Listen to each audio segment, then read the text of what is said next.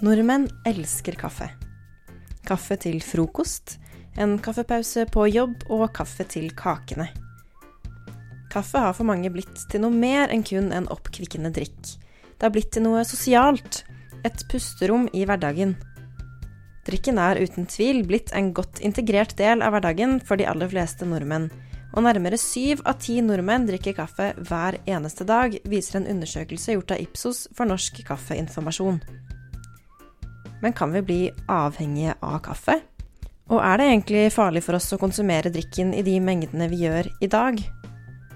Vi leser stadig skremmende overskrifter i samtlige nettaviser som advarer oss mot koffeinavhengighet, slik som Er du avhengig av kaffe? Dette gjør koffein med kroppen din. Derfor får du hodepine uten kaffe. Åtte skjulte farer ved koffeinavhengighet. Men stemmer det at vi kan bli avhengig av koffein? For å forstå om vi kan bli avhengig av kaffe, er det først viktig å forstå hva koffein egentlig er. Koffein er et alkaloid som finnes i både kaffe, te, energidrikker og kakao. Koffein har en sentralstimulerende effekt, dvs. Si at kaffen stimulerer sentralnervesystemet, og da føler vi oss mer våken, konsentrert og får en bedre reaksjonsevne. Noen opplever også at koffein gir en følelse av velvære og bedrer humøret. Og det påstås at koffein skal øke fettforbrenningen.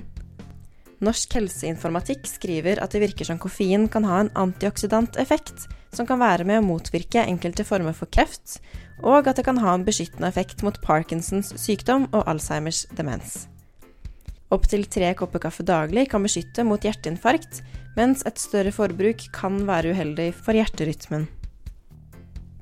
Koffein har en rekke gode egenskaper, men stoffet kan også medføre en rekke bivirkninger, slik som skjelvinger, uro, søvnløshet og at man oftere må på do. Dersom man får i seg et svært høyt inntak av koffein, kan man også oppleve kvalme, magesmerter, nedsatt konsentrasjon, uregelmessig puls og en rekke andre bivirkninger. Det er riktignok sjeldent at noen får i seg så store mengder koffein. Selv om koffein fyller mange av kriteriene for å være et avhengighetsskapende stoff, anser man ikke forbruket som et helsemessig eller samfunnsmessig problem. Derfor defineres ikke koffein som et avhengighetsskapende middel. Dersom man drikker kaffe flere dager på rad, vil man likevel merke at man får en såkalt toleranseutvikling for middelet etter kort tid. Det vil si at kroppen blir mer vant til stoffet, og at kroppen trenger større mengde koffein for å oppnå samme effekt som man fikk i starten. Dersom du har drukket koffein regelmessig i lengre tid, f.eks. gjennom å drikke kaffe, og så kutter dette forbruket brått, vil det oppstå såkalt abstinenssymptomer. Det kan være hodepine, angst, tretthet, energiløshet, økt irritabilitet og influensalignende symptomer.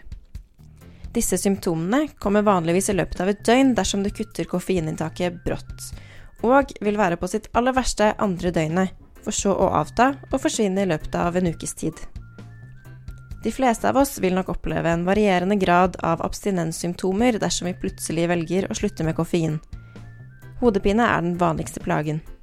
Det er ikke påvist skadelige effekter på lang sikt av koffein, men enkelte av oss har tilstander som gjør at vi bør være forsiktige. Inntak av svært høye doser vil, i likhet med mye annet, være uheldig. Dødelig dose koffein er ca. 8-10 gram per dag. Det tilsvarer ca. 60-100 kopper kaffe. Heldigvis er det svært uvanlig å drikke så mye kaffe i løpet av en dag, så de fleste av oss kan nok drikke kaffen uten bekymring.